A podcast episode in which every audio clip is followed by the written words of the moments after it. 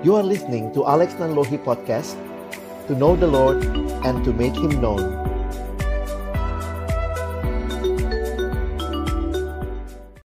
Let us pray Dear Father God, we thank you again for this wonderful opportunity for us to listen to your word. And as we open your word, please also open our hearts. Help us not only to be the listeners of your words, but help us to be the doers of your word. In Jesus' most precious name, we pray. Amen. Horas. Good morning, brothers and sisters. Sama-sama kita hari ini akan melihat di dalam satu bagian firman Tuhan dalam tema yang saya pilihkan bagi kita hari ini. Kita akan bicara tentang spiritual pollution. Jakarta dinobatkan jadi kota dengan tingkat polusi udara paling salah satu yang tertinggi di dunia. Saya pikir tidak tidak membanggakan lah ya buat kami yang tinggal di Jakarta mungkin lebih cepat mati kayaknya. Tapi polusi polusi udara di beberapa daerah juga ada yang namanya polusi suara, kebisingan itu menjadi hal yang tidak mengenakkan. Tapi juga polusi spiritual kiranya boleh juga menjadi bagian yang kita waspadai di dalam kehidupan beriman kita sebagai umat Allah dan juga pelayan-pelayan Allah. Mari kita membaca Yehezkiel pasal yang ke-8. Kita akan melihat ayat yang pertama sampai dengan ayat yang ke-18. Yehezkiel pasal yang ke-8 ayat pertama sampai dengan ayat yang ke-18. Mari kita membaca secara bergantian seluruh pasal ini. Saya akan mulai membaca ayat pertama. Mohon Bapak Ibu, teman-teman sekalian membaca ayat yang kedua, kita bergantian sampai ayat 18. Berhala kekejian yang ada di dalam bait Allah. Pada tahun ke-6, dalam bulan yang ke-6 pada tanggal 5 bulan itu, waktu aku duduk di rumahku berhadap-hadapan dengan para tua-tua Yehuda, kekuasaan Tuhan Allah meliputi aku di sana aku menerima penglihatan, sungguh ada kelihatan yang menyerupai seorang laki-laki dari yang menyerupai pinggangnya sampai ke bawah kelihatan seperti api dan dari pinggangnya ke atas kelihatan seperti cahaya, seperti suasana mungkin. Dia mengulurkan sesuatu yang berbentuk tangan dan dipegangnya jambul kepalaku Lalu roh itu mengangkat aku ke antara langit dan bumi dan membawa aku dalam penglihatan-penglihatan ilahi ke Yerusalem dekat pintu gerbang pelataran dalam yang menghadap ke utara di mana terdapat berhala cemburuan yang menimbulkan cemburu itu.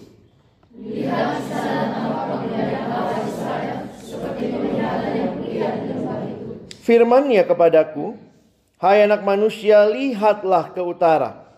Aku melihat ke utara, sungguh di sebelah utara gerbang mesbah dekat jalan masuk terhadap berhala terdapat berhala cemburuan tadi.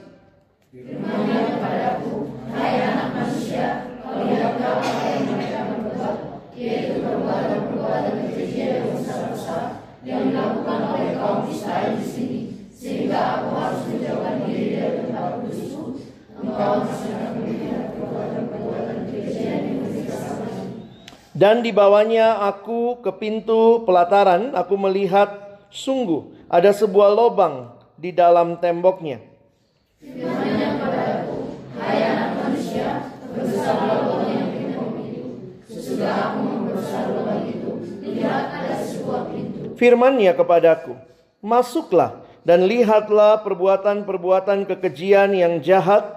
yang mereka lakukan di sini. Lalu aku masuk dan melihat sungguh segala.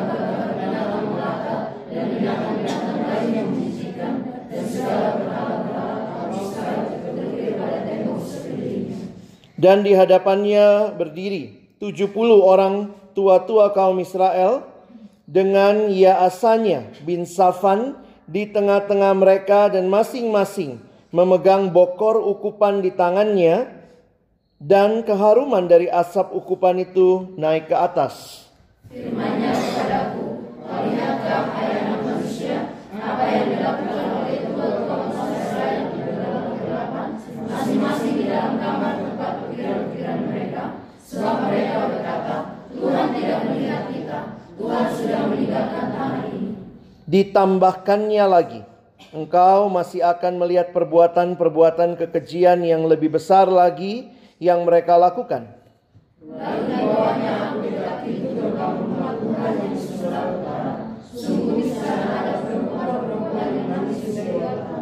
Firman-Nya kepadaku, Hai anak manusia, kau lihatkah apa yang mereka perbuat? Engkau masih akan melihat perbuatan-perbuatan kekejian yang lebih besar lagi daripada ini. Kemudian dibawanya aku ke lantaran dalam rumah Tuhan. Sungguh dekat jalan masuk ke bait Tuhan. Di antara balai bait suci dan mesbah ada kira-kira 25 orang laki-laki yang membelakangi bait Tuhan dan menghadap ke sebelah timur sambil sujud pada matahari di sebelah timur. Lalu firman-Nya kepadaku, Kau lihatkah itu, hai anak manusia? Perkara kecilkah itu bagi kaum Yehuda untuk melakukan perbuatan-perbuatan kekejian yang mereka lakukan di sini? Bahwa mereka memenuhi tanah ini dengan kekerasan dan dengan itu terus menyakiti hatiku? Sungguh, mereka berkelakuan tak, tak senonoh di hadapanku.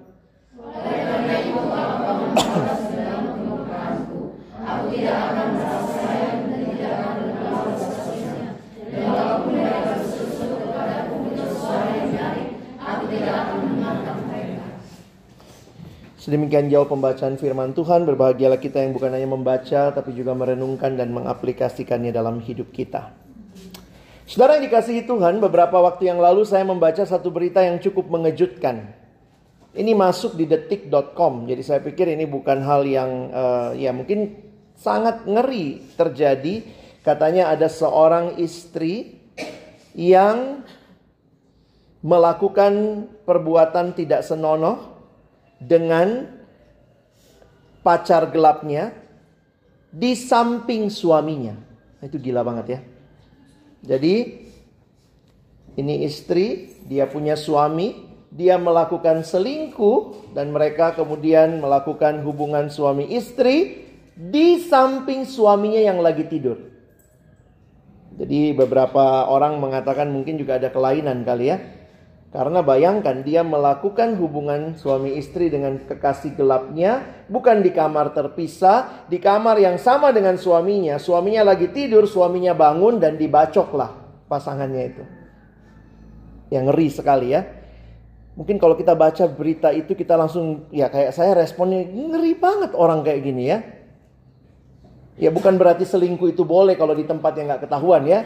ya. Di tempat yang nggak ketahuan lah gitu. Tapi ini udah di samping suaminya. Suaminya lagi tidur kebangun lah gitu ya. Dibacok lah ya. Dan waktu saya merenungkan itu. Saya jadi ingat perikop ini. Betapa mengerikannya persundalannya Israel. Betapa mengerikannya apa yang mereka lakukan. Dan tidak heran Tuhan murka. Karena itu kalau kita perhatikan konteks Yehezkiel, para penafsir mengatakan Yehezkiel ini bernubuat di pembuangan. Jadi ada yang mengatakan dia termasuk dalam kelompok yang dibawa oleh uh, Raja Babel. Jadi pada waktu itu Yehezkiel ada di Babel.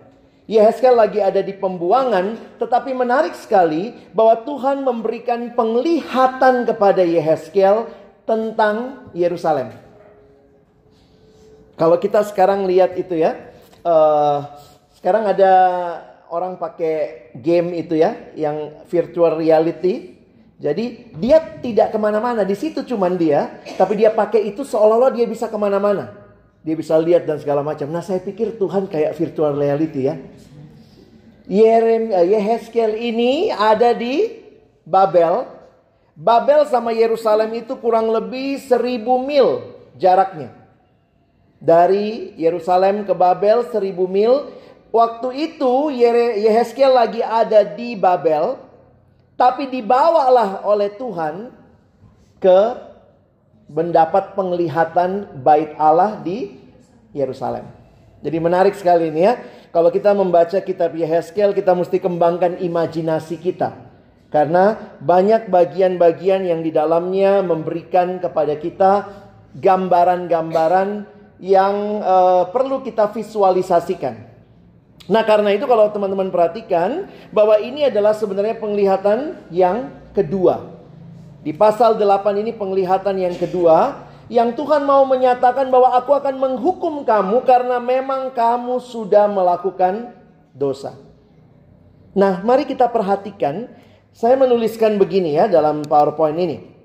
Dalam penglihatan Yehezkiel ini, yang dipaparkan adalah persinahan rohani yang terjadi tepat di tengah-tengah pusat ibadah bangsa Israel yaitu Bait Allah. Ini persis kayak cerita tadi. Bersundal dia di mana? Di bait Allah. Persis di samping suaminya. Jadi Yehezkel diberikan penglihatan itu untuk melihat betapa mengerikannya dosanya orang Israel. Teman-teman, waktu melihat akan hal ini saya jadi sadar satu hal.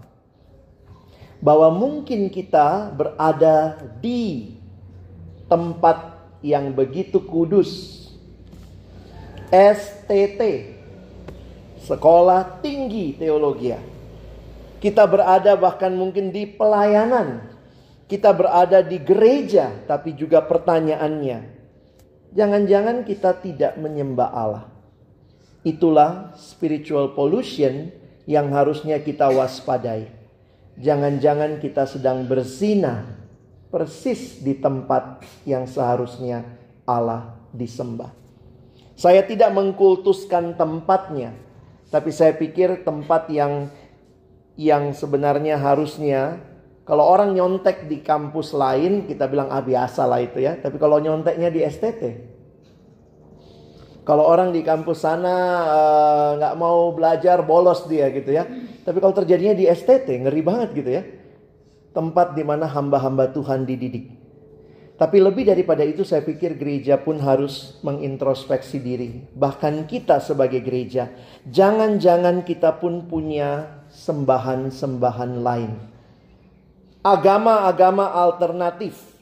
Saya pakai istilah ini dalam satu artikel yang saya kutip. Kepada Yehezkiel diperlihatkan empat penglihatan tentang agama alternatif bangsa Israel yaitu ilah lain yang disembah secara sembunyi-sembunyi, sementara pada saat yang sama mereka masih menyembah Allah. Nah, teman-teman perlu perhatikan ini uh, gambaran bait Allah ya. Kenapa? Karena memang kan dibawa si Yehezkiel ke gambaran bait Allah. Jadi ini gambarannya uh, perhatikan itu ada north and itu berarti utara begitu ya. Nah itu urutan penglihatannya. Penglihatan pertama, kedua, ketiga, keempat. Jadi kalau kita bisa lihat lebih jelas, ini bait Allahnya. Kira-kira begitu ya. Nah kita lihat penglihatannya yang dikasih tunjuk kepada Yehezkiel itu apa? Pertama, di dekat jalan masuk gerbang mesbah. Di situ katanya diletakkan atau terlihatlah oleh Yehezkiel berhala cemburuan. Banyak yang para ahli melihat apa sih berhala cemburuan itu karena nggak dikasih namanya.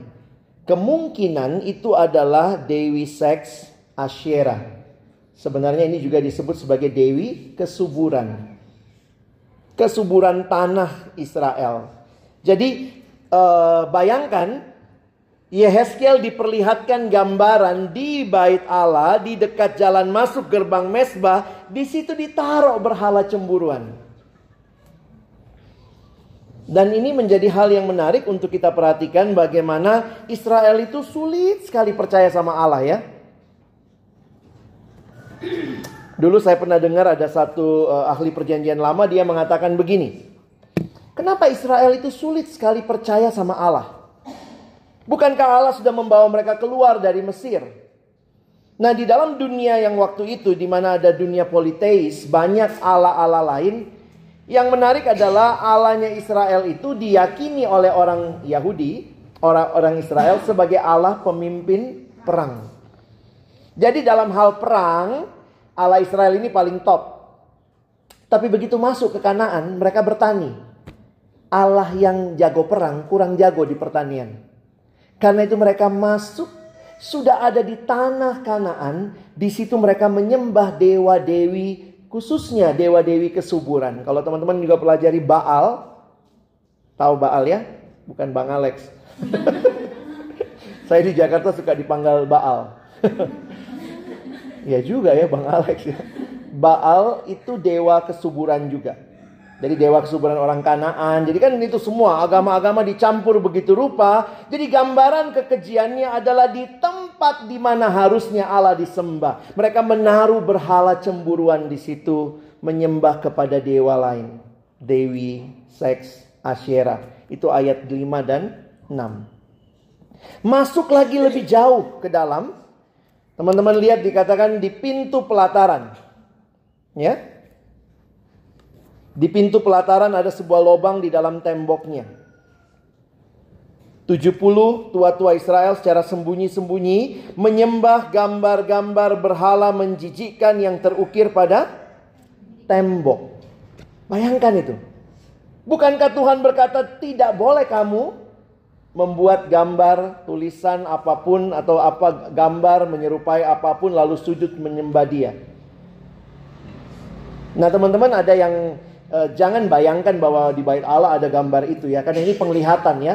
Dikasihlah penglihatan ngeri banget gini ya. Yehezkel melihat bahwa orang Israel pada saat yang sama juga menyembah Allah-Allah yang lain. Siapa di sini yang disebut? 70 tua-tua. Ngeri banget. Orang-orang yang sebenarnya adalah pemuka di dalam masyarakat. Mereka juga ikut menyembah kepada berhala. Berikutnya, yang ketiga, di dekat pintu gerbang rumah Tuhan sebelah utara. Benar ya slide-nya ya? Ya.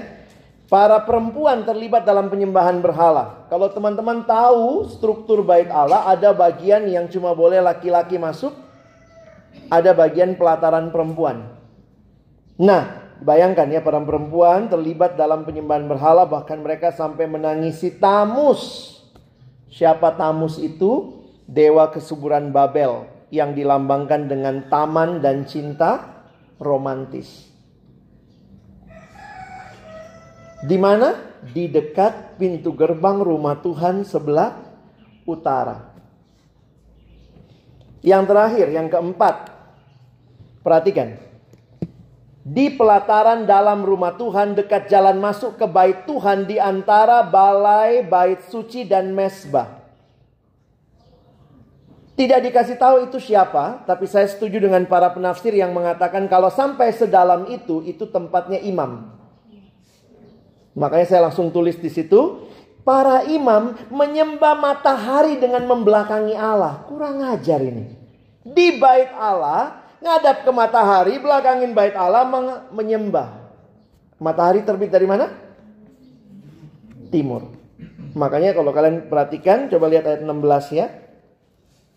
Kemudian dibawanya aku ke dalam ke pelataran dalam rumah Tuhan, sungguh dekat jalan masuk ke bait Tuhan di antara balai bait suci dan mesbah ada kira-kira 25 orang laki-laki yang membelakangi bait Tuhan dan menghadap ke sebelah timur sambil sujud pada matahari di sebelah timur.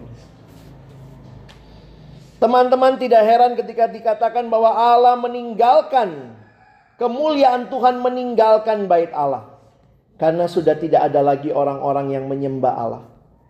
Itu digambarkan kalau teman-teman baca penglihatan sebelumnya seperti yang dikasih tahu bahwa kemuliaan Tuhan tidak lagi ada di bait Allah. Padahal di bait Allah itulah kehadiran Tuhan dengan umatnya. Gambaran penglihatan yang Yehezkiel dapatkan, kemuliaan Tuhan itu sudah pindah ke lembah. Jadi ini menarik untuk kita perhatikan betapa mengerikannya persinahan rohani, menyembah Allah yang lain, bersinah dengan Allah-Allah bangsa lain di bait Allah.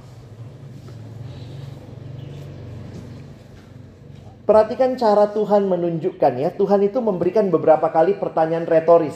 Sama Yehezkiel. Jadi Tuhan bilang, kalau sudah begini, masa aku mau tinggal di situ? Mana mungkin kemuliaanku tinggal di situ? Jadi kayak Tuhan tanya sama Yehezkiel ya, tapi Yehezkiel nggak jawab ya. Coba kalau Tuhan misalnya Tuhannya orang Batak, kayak mana itu? Udah begini nih, ngeri nggak ini? Mungkin harusnya Yehezkiel bilang, iya Tuhan ngeri ngeri. Tuhan bilang, tunggu ya, ku kasih lihat lagi yang lebih ngeri. Masuk ke dalam, ngeri nggak ini? Ngeri Tuhan. Tunggu ya, ku kasih lihat yang jauh lebih ngeri lagi. Masuk lagi ke dalam, ngeri nggak? Ngeri. Makin ke dalam, makin ngeri. Sampai para imam. Tuhan mau menunjukkan tidak ada bagian yang lepas dan luput dari hal itu. Perhatikan ayat 17. Apa yang mereka lakukan bukanlah perkara kecil di hadapan Allah. Sebab tindakan mereka telah membuat kemuliaan Allah tidak lagi ada di bait Allah. Yehezkiel melihat kemuliaan Allah telah berada di tempat lain. Kalau dalam penglihatan sebelumnya dia lihat ada di lembah. Jadi memang kalau baca kitab Yehezkiel ini harus pakai ini ya, virtual reality ya. Biar main imajinasi kita. Tapi apa yang Tuhan mau katakan? Kalau yang tinggal di Yerusalem pun masih tidak menyembah aku di bait Allah, maka bukan cuma kamu di pembuangan yang sebenarnya aku akan hukum, tapi yang di Yerusalem pun akan dihukum. Dan itu dibuktikan dengan kejatuhan Yerusalem. Hancur semua. Jadi dalam penglihatan ini ada peringatan keras bagi umat Tuhan. Mungkin kita pikir kita bisa sembunyikan itu. Tapi Allah mengetahui setiap bentuk agama alternatif. Agama-agama lain yang ya Tuhan sih berkuasa ya. Tapi kalau untuk hal ini kayaknya saya cari Tuhan yang lain. Tuhan tahu setiap bentuk agama alternatif dalam kehidupan rohani umatnya. Sekalipun tersembunyi atau bahkan ditutupi dengan ibadah mereka di bait Allah. Ada orang begitu rupa menutupi dengan apa? Dengan pura-pura menyembah Tuhan. Karena itu kalau kita perhatikan ini yang menyebabkan Allah undur dari kehidupan umatnya secara diam-diam. Sehingga ketika mereka menyadarinya semua sudah terlambat. Akibat puncak dari memiliki agama alternatif. Allah yang lain adalah kehancuran atas diri sendiri karena penghukuman Allah. Saya mau coba aplikasikan dalam satu pendekatan yang dipakai oleh Martin Luther.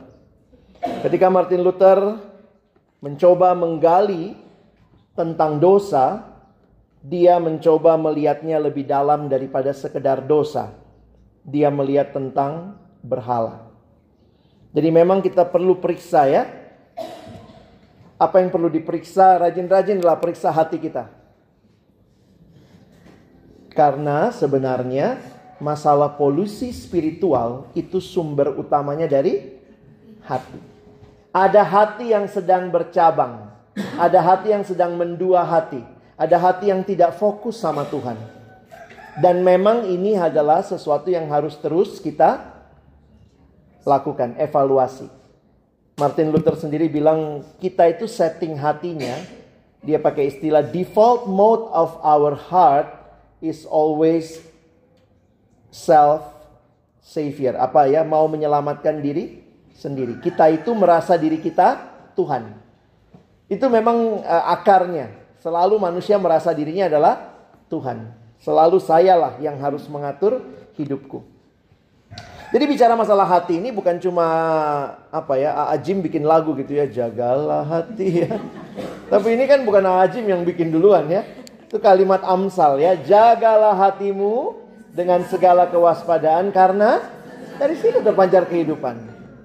Jadi kadang-kadang kalau ada orang melakukan sebuah tindakan, jangan buru-buru lihat tindakannya saja, cari lebih dalam apa sih akar hatinya ini. Makanya dalam bahasa Inggris ada kalimat begini. What is the heart of the problem? The heart of the problem is the problem of the heart. Yang jadi masalahnya utamanya adalah hati. Nah, mari kita lihat sedikit. Saya coba kasih penjelasannya bahwa waktu kita mengerti bahwa Allah menciptakan manusia, ada hal yang menarik. Allah ciptakan manusia untuk siapa? Kalau saya ciptakan benda ini, maka benda ini punya saya. Tapi pertanyaannya saya ciptakan ini buat siapa? Ya buat saya. Nah sebenarnya di dalam pemahaman ini manusia adalah makhluk ciptaan Allah yang dicipta untuk Allah. Maka kita ini paling bagus hidupnya, paling klop hidupnya kalau kita menyembah Allah.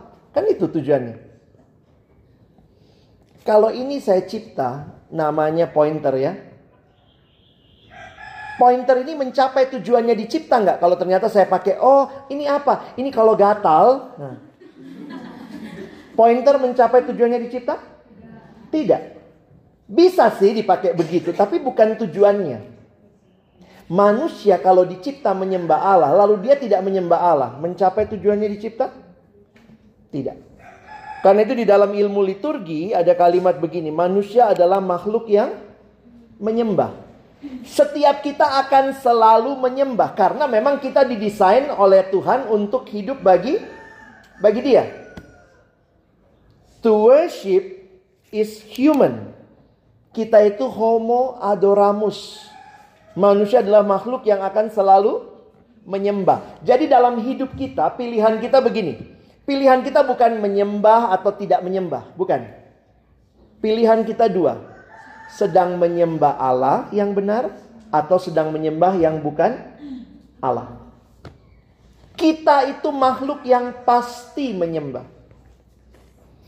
Makanya kalau kita menghayati manusia hanya akan dapat kepuasan sejati dalam penciptanya. Seorang bernama Santo Agustinus punya doa yang indah ya. Dia bilang begini. Tuhan engkau menanamkan dalam hati kami kesenangan untuk memujimu. Engkau menciptakan kami bagimu dan hati kami gelisah sebelum beristirahat padamu. Dalam bahasa Inggris ada permainan kata and our soul are restless until they find rest in you. Ini orang pintar juga. Banyak rumusnya bikin kita pusing. Tapi ternyata dia juga seorang Kristen sungguh-sungguh. Seorang bernama Blaise Pascal. Ada beberapa buku Kristen yang dia tulis, bukan cuma buku rumus-rumus ya. Dia mengatakan hati manusia biar kecil. Namun jika seisi dunia diisi ke dalamnya tetap tidak akan memuaskannya. Karena hanya sang pencipta yang bisa memuaskan. Maka kita mengerti yang namanya kepuasan sejati tidak pernah kita dapat dari ciptaan. Kepuasan sejati hanya engkau dan saya dapat dari pencipta. Yang bisa memuaskan kita bukan yang horizontal. Karena semua yang horizontal kategorinya ciptaan. Yang bisa memuaskan kita adalah Allah sendiri. Nah, Martin Luther coba gali lebih jauh. Dia mengatakan begini. Siapa pun atau apa pun yang menggantikan posisi Allah sebagai yang terutama di dalam hidup kita itu disebut berhala.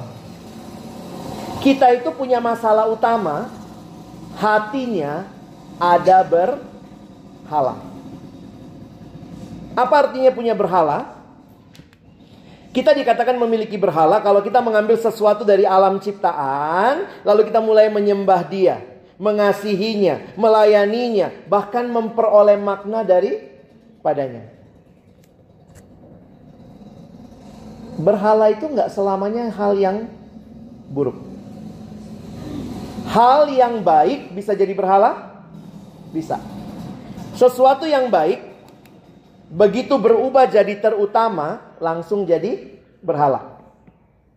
Jadi hal yang baik biarlah tetap jadi hal yang baik. Uang baik enggak? Ya baiklah. Siapa nggak butuh uang? Uang baik, tapi kalau uang jadi utama, namanya berhala. Ada satu anak remaja datang sama saya, iya Kak Alex, benar ya kata firman Tuhan, apa itu? Akar segala kejahatan adalah uang. Betul? bukan uangnya. Itulah kalau hafal ayat baik-baik ya. Saya bilang sama dia, baca ayatnya. Ayatnya mengatakan akar segala kejahatan adalah cinta uang, bukan uangnya, tapi cintamu yang begitu rupa, begitu tinggi sama uang. Saya bilang kalau nggak suka uangnya kasih saya. Mesti banyak pelayanan butuh dibiayai. Jadi pertanyaannya, hal baik bisa jadi berhala? Bisa. Pacar baik nggak? Baik, bisa jadi berhala? Oh bisa. Saya lihat ada yang tulis status gitu ya. Pacar yang baik titik dua. Mengikuti semua uh, kemauannya, keinginannya, menjauhi semua larangannya. Ih, saya bilang itu pacar apa Tuhan? Udah tulis gitu ya, pacar pacar yang baik katanya begitu. Orang tua baik nggak? Bisa jadi berhala? Oh bisa. Satu waktu saya habis khotbah di satu kampus, lalu adalah anak datang sama saya. Dia bilang, Kak, uh, saya mau nanya. Iya, tadi kakak bilang kan, dia panggil saya abang. Abang bilang kan nggak boleh nyontek ya? Iya dek, nggak boleh nyontek. Oh kok kata mamaku boleh? Ih, siapa mamamu?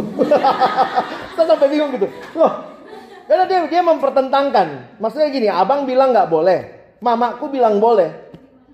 Jadi mesti ikut yang mana? Mungkin dia mau bilang kan abang nggak melahirkan aku, gitu ya.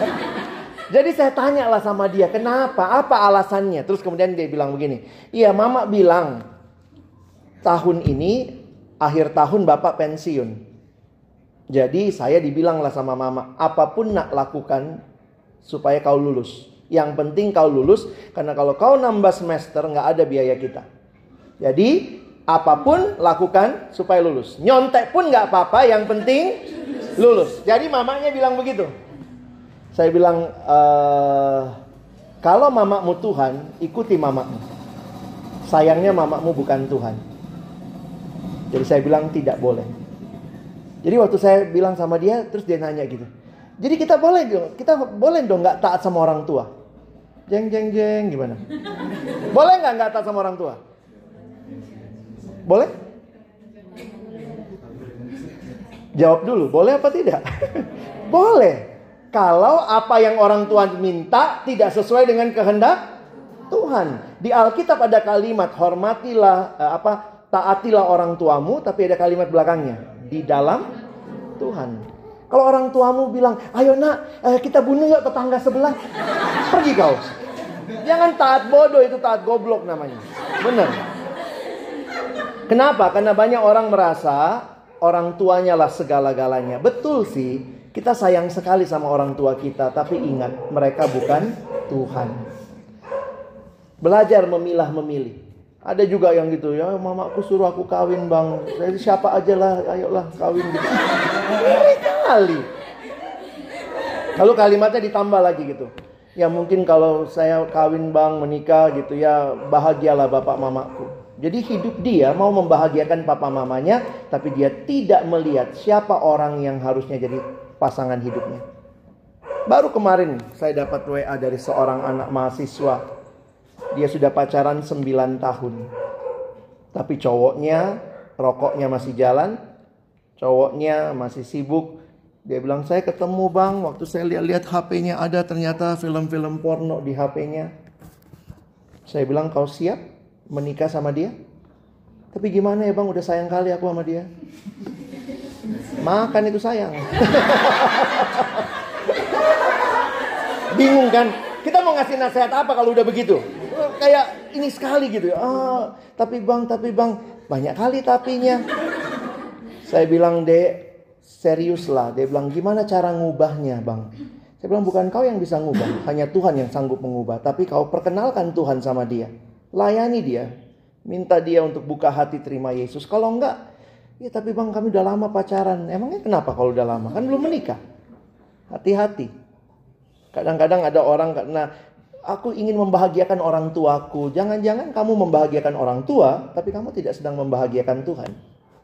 Karena pilihan-pilihanmu adalah pilihan yang membahagiakan orang tua, bukan membahagiakan Tuhan. Berkali-kali dalam hidup saya, kalau harus memilih, saya bilang saya sayang sekali sama keluarga saya. Saya sayang sama papa mama saya. Tapi ketika mereka berkata, kerjalah cari uang yang banyak. Saya berkata, Tuhan kasih panggilan untuk jadi hamba Tuhan. Saya sudah lulus dari UI dan waktu itu bergumul jadi hamba Tuhan. Langsung orang tua bilang, apa itu? Kenapa mau jadi hamba Tuhan? Saya ingat sekali orang tua saya, papa saya bilang, saya nggak mau, saya nggak rela lihat anakku sudah kuliah di kampus bagus, nanti kau mengemis-ngemis uang jemaat. Saya, oh, mungkin itu yang bapak saya lihat ya, ada juga pendeta ngemis-ngemis uang jemaat ya. Saya bilang, nggak ada ngemis-ngemis. Dikasih. kan beda ya. Lah, jadi waktu itu rame lah.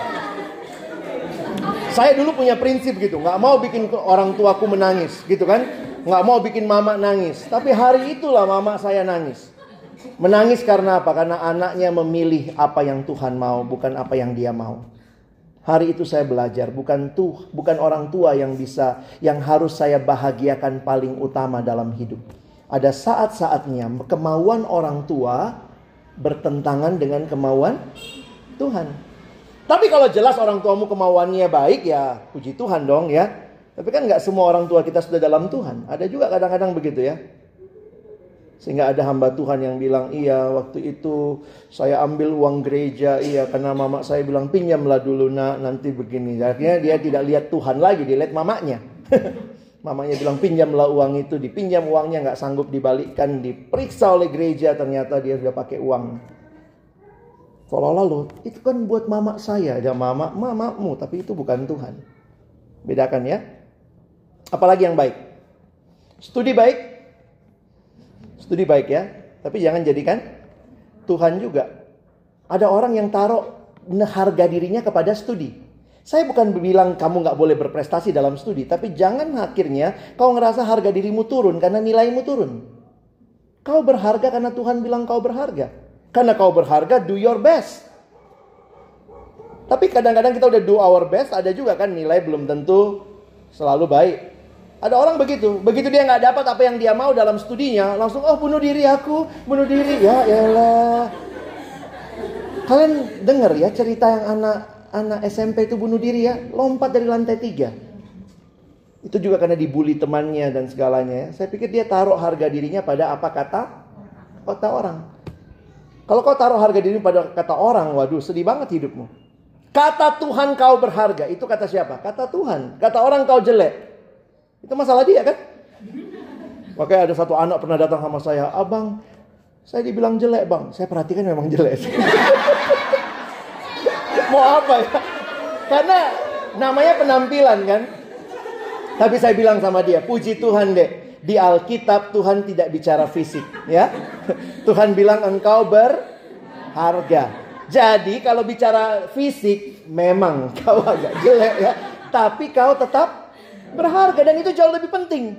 Jadi kalau ada yang dia bilang iya bang tapi saya dibully sama teman-teman saya bilang kalau orang bully kau yang kau dengar Tuhan. Siapa Tuhan? Dia yang ciptakan kamu.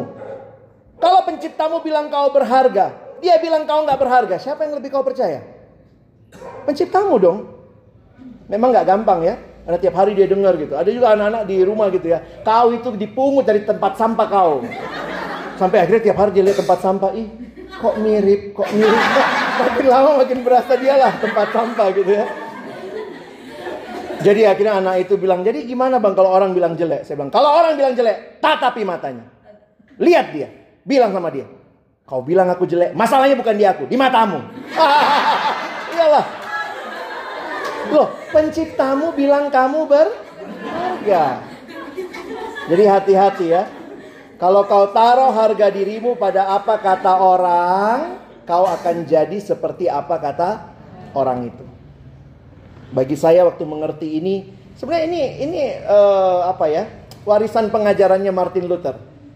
Jadi Martin Luther akhirnya melihat, jangan cuma lihat dosanya, lihatlah akar di bawahnya. Apa yang membuat dia seperti itu? Karena itu Martin Luther ditanyakan begini. Dia tanya begini. Mengapa 10 perintah Allah diawali dengan larangan menyembah berhala? Karena kayaknya Tuhan udah tahu ya, Tuhan tahu ini. Kita ini yang akan selalu menyembah. Makanya perintah pertama, jangan ada padamu Allah lain. Bahkan Martin Luther bilang begini, kamu tidak pernah melanggar perintah-perintah yang lain tanpa terlebih dahulu yang kau langgar perintah pertama. Jadi kalau kau lihat hidupmu dalam 10 perintah Allah, nggak mungkin kau cuma langgar satu, kata Martin Luther. Misalnya, jangan mencuri. Kalau kau langgar mencuri, maka kau melanggar perintah ke-6. 6 apa 7 itu ya? Eh 8 ya malah ya. Jangan membunuh dulu ya. Kalau kau melanggar, berarti kau melanggarnya nomor 8 dan nomor 1. Siapa Allahmu kalau kau mencuri? Uang Allahmu harta Allahmu. Kalau kau berzina, kau bukan cuma melanggar satu perintah, kau melanggar perintah pertama juga. Siapa Allahmu? Seks, kepuasan. Wah, saya pikir hebat opung ini ya. Dia bisa melihat karena itu bagi Martin Luther kalau kita mau selesaikan masalah orang itu jangan cuma selesaikan dosanya. Selesaikan berhala hatinya. Makanya saya pikir banyak lagu-lagunya Martin Luther itu menyayat hati ya. Kalau saya dengar lagu-lagu buku Ende itu selalu kayak itu lagu yang sangat dear sama hati gitu. Coba periksa hatimu, lihat lagi apa yang ada di dalamnya. Siapa yang kau sembah? Sedang apa kau dengan hatimu? Ini yang dia katakan ya, 10 perintah Allah dimulai dengan arahan agung. Jangan ada padamu Allah lain. Kenapa? Karena penyembahan berhala itu ada di mana-mana dan memiliki kuasa atas tindakan-tindakan kita karena memiliki kuasa atas hati kita. Jadi teman-teman kalau kita perhatikan ini seirama dengan dilanjutkan sama Calvin, Calvin bilang begini. Hati manusia itu pabriknya berhala. Human hearts yang sudah jatuh dalam dosa itu factory of idols. Kita itu selalu bikin berhala. Kenapa? Karena kan kita maunya harusnya menyembah Allah. Tapi sejak Taman Eden kita nggak mau menyembah Allah. Ah kurang bagus Allah ini. Kita sembah yang bukan Allah. Jadi kita selalu ciptakan berhala. Kadang lihat pacar ah jadi berhala. Aduh kalau diputuskan dia ah berakhirlah hidupku. Eh. Ada satu lagi yang begitu ya. Dia bilang bang bagaimana ini? Saya diputuskan sama dia. Saya bilang terus dia bilang tapi kami mulainya pakai doa. Saya emang kalau pakai doa nggak bisa putus? Kan saya bingung. Kami mulai pakai doa. Oke, putusnya pakai doa juga lah. gitu kan.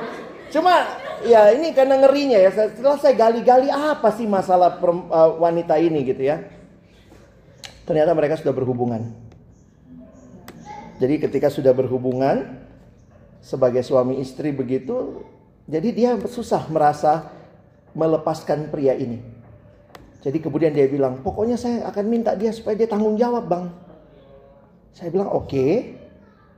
Dia bilang kenapa Tuhan izinkan kami putus. Sementara saya udah dirusak sama dia. Saya bilang di sisi lain, kalau boleh kasih pendapat, apakah ini juga bisa kau lihat sebagai campur tangan Tuhan untuk bilang kau stop, bukan itu laki-laki yang baik untuk hidupmu. Jadi jangan selalu melihatnya, kenapa Tuhan izinkan aku begini loh. Mana tahu Tuhan lagi intervensi. Berhenti. Kalau kau sama laki-laki model begini, nggak akan nggak akan baik ke depan. Wah banyak saya dapat WA belakangan ini ngeri-ngeri teman-teman ya. Tadi malam lagi satu datang, bang saya punya teman bang, pacaran beda iman. Dia bilang oke okay, apa masalahnya? Ya pacaran beda iman kan tinggal putus. Iya bang, hamil dia lima bulan. Cowoknya ini polisi, kemarin mau ikut Kristen, sekarang tiba-tiba sudah bilang nggak mungkin aku ikut kau. Kalau aku ikut, karirku susah. Oh oke. Okay. Sekarang bagaimana bang? Saya bilang ya selesaikan satu-satu. Karena cowok ini terus minta perempuan ini gugurkan kandungan, gugurkan kandungan. Ngeri. Orang bermain-main dengan dosa, berhalanya ternyata ya dalam hatinya ada hal-hal lain. Terus kita ciptakan berhala itu. Nah, saya simpulkan sebentar. Sebenarnya berhala itu apa? Kalau saya melihat di perjanjian lama, kalau kita bisa lihat Tuhan pakai ini ya. You are what you worship. Makanya Tuhan bilang jangan ada padamu Allah lain. Nah, di perjanjian baru Yesus pakai sesuatu yang lebih positif. Yesus pakai kasih. Makanya kalimatnya, kasihilah Tuhan Allahmu dengan segenap hatimu. Jangan ada kasih yang lain. Jadi you are what you worship, at the same time you are what you love. Ada satu buku yang saya temukan terakhir ini justru menggabungkan keduanya. You are what you worship, you are what you love, because you worship what you love. And you love what you worship. Ini kalau dibolak-balik sama aja. Apa yang berhala lakukan dalam hidup kita? Teman-teman saya kutip kalimatnya Timothy Keller. An idol is anything that you turn and say save me. Jadi kita mengharapnya kepada dia. Berhala itu akan melakukan ini dalam hidup kita. Karena sikap kita kepada berhala kita akan mengasihinya, menyembahnya, melayaninya, bahkan memperoleh makna daripadanya. Kalau kau terima makna hidupmu dari nilaimu saja, berarti berhalamu, studimu, nilaimu. Lihat pengkhotbah. Yuk kita baca satu dua ya. Siapa mencintai uang?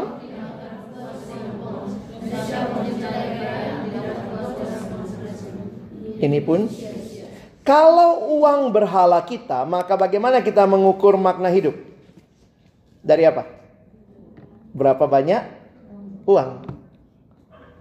Kita mulai mencintai uang, mengasihi, menyembah. Sama sebenarnya. Di perjanjian lama berhala-berhala itu minta anak. Makanya ada yang namanya bukit pengorbanan. Dan Tuhan sejak kalau kita lihat peristiwa Abraham mempersembahkan Ishak, sudah jelas Tuhan kita bukan Tuhan yang menuntut pengorbanan anak. Tuhan sediakan domba. Nah, sepanjang hidup orang terus berhala perjanjian lama itu kayak mengorbankan anak. Ada yang bilang ngeri banget dia perjanjian lama. Tapi jangan-jangan berhala masa kini pun mengorbankan anak kan? Ketika orang tua begitu sibuk, yang dia korbankan anaknya juga. Banyak orang tua membesarkan anak pakai uang, ternyata anaknya dapat uangnya, nggak dapat kasih sayang orang tua, hancur juga anaknya. Jadi sebenarnya kita secara tidak langsung sedang mempersembahkan anak kita juga di altar itu dengan berhala-berhala modern. Ngeri. Karena itu kenali berhala hatimu. Apa yang jadi berhalamu? Sekarang online-online itu jadi berhala juga ya. Ada yang aku nggak bisa hidup tanpa wifi. Eh.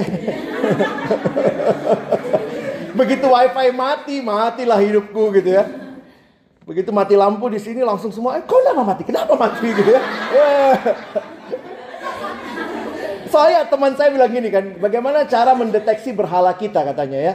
Dia bilang, cara mendeteksi berhala kita adalah lihat reaksi spontanmu pada waktu sesuatu terjadi. Itu biasanya me, me, meinikan berhala kita. Ada yang begitu mati lampu ya sudahlah mati lampu nggak ada juga kuotaku gitu ya. Tapi ada yang begitu mati lampu. Anak Jakarta sekarang kalau nyari kafe cari yang ada wifi, ada colokan, ya. Oke begitu ada colokan kayaknya wah segalanya. Ada yang merasa berhalanya itu pasangan, ada yang berhalanya uh, pornografi, macam-macam ya. Keluarga juga bisa jadi berhala ya. Jadi dosa itu saya simpulkan, ini Piper bilangnya John Piper. Dosa itu bukan sekedar melanggar hukum Allah. Tapi dosa adalah apa yang kau lakukan ketika hatimu tidak puas dengan Allah. Saya waktu dapat definisi dosa seperti ini, karena ini lebih seirama dengan perjanjian lama, ini mengingatkan kita dosa itu bukan cuma, ah nggak mau lakukan ini, nanti Tuhan hukum. Enggak, ini bicara bahwa engkau tahu cuma dia yang bisa memuaskan, kau cari yang lain. Dosa ialah apa yang engkau lakukan ketika hatimu tidak puas dengan Allah. Sejak di Taman Eden, manusia gila sekali. Bayangkan, yang bisa memuaskan manusia siapa? Tuhan. Itu ditolak di Taman Eden. Bayangkan ketika yang paling bisa memuaskan hati kita, kita tolak. Apalagi yang bisa puaskan. Makanya ada kalimat begini. Ketika manusia menggantikan ciptaan, Allah dengan ciptaan itu bagaikan menukar emas dengan pasir. Kau sudah punya emas. Ih, kayaknya bagus pasirmu buat aku lah ya. Emasnya dilepas. Itu bodoh bin goblok. Tapi itulah ya, dosa bikin kita bodoh. Siapa sih yang nggak baca di sampingnya uh, merokok dapat menyebabkan kanker apa? Nggak ada jelas ya. Kadang-kadang saya pikir cobalah belajar jadi Tuhan. Susah juga kan jadi Tuhan. Coba. Bayangkan bisa jadi Tuhan ya. Terus kita minta gitu, Tuhan kasih saya kesehatan. Rokoknya jalan terus. Gimana juga Tuhan nolongnya itu? Cobalah ngerti Tuhan dikit gitu. kita kadang-kadang minta Tuhan melakukan sesuatu melampaui hukumnya. Padahal ada hukum-hukum yang Tuhan sudah berikan. Nah ini beberapa yang hati-hati. Bisa menjebak kita. Jadi berhala kita. Ada yang diikat oleh judi, segala macam. Berhala modern. Nah ini yang ikat kita nih. Hmm, terikat juga ya. Katanya ini smartphone. Tapi jangan-jangan goblok phone. uh, menurut penelitian, anak remaja di Jakarta 85% jatuh dalam dosa pornografi di HP yang dibelikan orang tuanya. Jadi kan maksudnya gini, ini kan harusnya smartphone, tapi jadi goblok juga. Melihat hal-hal yang tidak tepat. Sekarang lagi ada yang ini. belanja. Rasanya gimana kalau nggak belanja? Aku jarang kok Pak ke mall. Iya, tapi aplikasimu lah, sada apa semua. yang tipis ya, konsumerisme itu tipis bedanya ya. Terus kadang-kadang yang cewek-cewek gitu ya, saya kan juga punya istri, kadang-kadang gitu. Abang, abang, iya ini beli ini abang, kenapa dek? Lucu. Hah? Jadi kenapa dibeli? Apa alasannya? Lucu. Ih, terus habis kau beli kok ketawa-ketawa. Enggak, boleh lah ya. Belanja boleh dong gitu ya. Tapi ngerti juga kegunaannya. Kalau cuma lucu, aku beli ini karena lucu. Oh, lebih lucu suamimu. Aduh. Boleh belanja? Boleh. Tapi yang kita butuhkan ya jangan cuma karena lucu. Nih, drama Korea. Ini juga berhala baru ini. Lee Min Chung apa lah itu? Lee Min Ho. Katanya capek banget. Kalau ketemu Alkitab dua ayat ngantuk. Satu malam tiga seri. Saya nggak tahu ini siapa. Saya cuma kumpul-kumpul gambar aja. Ini kan jadi pertanyaan hati-hati kalau ternyata hidup kita ini berhalanya. Berhala kayak begini bisa ngapain? Oh bisa. Ketika kamu, jadi gini, boleh nonton? Boleh. Tapi kalau kamu sudah begitu rupa nonton itu segala-galanya, bahkan kau dapat harga dirimu dari nonton.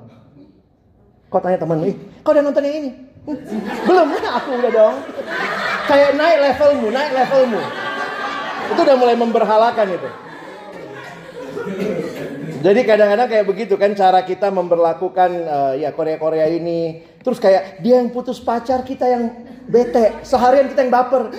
Putus tadi malam sini. Ya ampun. Kadang-kadang saya pikir ngeri ya. Yang laki-laki biasanya masalahnya di sini. Game online gitu ya. Ya kalau udah udah level berapa kau? Kecil gitu kan ya. Jadi harga diri kita kayaknya naik juga dengan ini ya. Padahal kan harga diri kita adalah dalam Tuhan kan harusnya begitu ya. Ya nggak gampang. Belum lagi yang ini. Pornografi. Bangun porno. Download wifi kencang porno. Oh, pokoknya semua. Jadi ada hal-hal yang saya pikir kita harus waspada ya. Ada juga sekarang yang menempatkan ini kepuasannya di LGBT dan seterusnya ya. Lagu Boti. dan termasuk juga ada yang menikmati seks sebelum pernikahan. Hati-hati teman-teman ya. Uh, jangan buka kado sebelum ulang tahun. Tunggu ya. Ada saatnya. Karena itu Alkitab berkata upah dosa adalah maut. Dan ketika itu kita melihat dosa dari perspektif yang lain. Kalau itu bicara perspektif worship, sekarang saya ambil perspektif kasih. Kalimat Timothy Keller juga memberikan gambaran dosa bukan sekadar melanggar perintah Allah, tapi dosa juga adalah menyakiti hati Allah. Di perjanjian lama, setiap kali umat Allah bersinah, mereka dikatakan menyakiti hati Allah. Kalau kita punya pemahaman ini, harusnya kita bawa dalam hidup. Kenapa saya nggak mau berdosa? Bukan supaya nggak melanggar aturan, nggak apa, tapi supaya saya hidup menyenangkan Tuhan. Bagaimana keluar dari dosa? Supaya kembali hidup menyembah Allah. Ya baliklah kepada Tuhan ya. Cuma dia yang bisa memberikan kepada kita. Saya suka gambar, ini gambar yang saya uh, kumpul ya. Searching for the answer to life, Jesus, you have found him. Cari di mana ini S-nya dua begitu ya. Ini kan kepentingan ilustrasi ya. Ada keyboard S-nya dua. Oke, kita tutup dengan beberapa slide terakhir. Bagaimana menggantikan berhala yang kita cintai, yang kita sembah, dan yang kita layani. Ini sama seperti menjawab pertanyaan bagaimana menolong istri suami tidak selingkuh. Gimana caranya? Mesti lebih akrab, lebih dekat. Belajar mencintai istri kita, pasangan kita, suami kita terus dan terus. Belajarlah jatuh cinta terus pada orang yang sama. Paling ini dia lagi, dia lagi. Kalau makin sering hati kita, misalnya kalau suami istri ya, makin sering matanya nengok suami orang. Ih, bagus banget kalau suamiku kayak gitu. Terus gitu ya. Lama-lama jangan heran dia lebih cinta sama suami orang. Jadi sebenarnya bagaimana caranya kita mencintai Allah supaya tidak ada berhala lain? Cintai Allah. Terus belajar cinta Tuhan. Nah cintanya bagaimana? Bangun komunikasi. Kalau kita baca firman, sekarang buat saya baca firman itu bukan lagi dulu kan gitu. Baca firman kalau enggak nanti dihukumkah? Kalau kalian gitu ya, kalau nggak baca nanti nggak hafal ayatnya. Coba hafal dengan cinta. Beda ya. Saya mau saya ayat ini ku hafal supaya aku pun lewat ayat itu makin cinta sama Tuhan. Kalau hatimu terus cinta Tuhan, maka lewat pun liminho. Siapa itu ya? Yang ganteng-ganteng itu. Enggak. Udah Tuhan. Apa kau ganteng tua juga peot kau.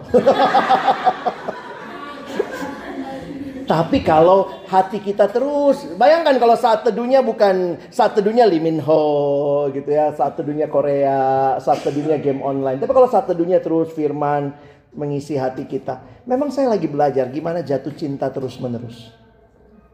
Mungkin ada yang bilang sebenarnya yang paling sulit bukan jatuh cintanya, yang sulitnya itu bangun cinta. Di garis bawah ya. Yang sulit itu bangun cinta.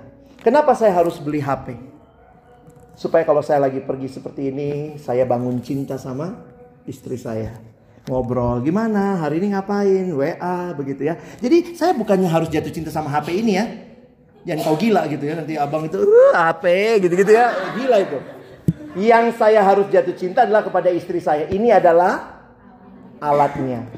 Untuk jatuh cinta sama Tuhan, Tuhan kasih alatnya. Ada orang mengagungkan Alkitab tapi jadi aneh. Ih, jangan, nggak boleh kena. Uh, uh. Tapi apakah kau makin baca komunikasi, kau makin cinta sama Tuhan. Setiap kali ketemu firmannya Tuhan, aku mau lebih mengasihimu. Periksa hati kita, periksa penyembahan kita. You need to curate your heart, you need to worship well. Because you are what you love and you worship what you love. Hati-hati apa yang sedang kita cintai dan kita bangun dalam hidup ini. Dua slide terakhir saya lewatin satu slide ya. Ini kalimat John Piper. We make a God out of whatever we find most joy in. Jadi kita bikin ala-ala dengan hal-hal yang kita suka. So find your greatest joy in God and be done with all idolatries. Temukanlah sukacita cintamu dengan hanya Allah, maka semua berhala yang lain akan lewat. Pertanyaannya, di mana engkau taruh cintamu? Pada Allah atau pada berhala? Hari ini spiritual pollution, bersihkan hati kita, taruh lagi cinta kita kepada Allah. Kalau sedang bergumul, Tuhan kenapa ya kok lebih enak yang ini, tapi belajar ini engkaulah satu-satunya yang memuaskan hatiku. Kiranya Tuhan menolong kita, bukan cuma jadi pendengar, tapi pelaku firman. Amin. Mari kita berdoa. Father, we thank you for your wonderful word for us. Thank you for your reminder also for us in our life that we should really worship you. You are the one and only who can satisfy our hearts. We pray that you will be with us all, especially during our time together in STT Trinity as a lecturer, as a staff, and also as a students. We pray that you will be with us all and help us to worship you only. And we find our satisfaction in you alone, our God. We thank you again for your wonderful message for us. Help us not only to be the listeners of your words, but also the doers of your words. In Jesus' most powerful name, we pray. Amen.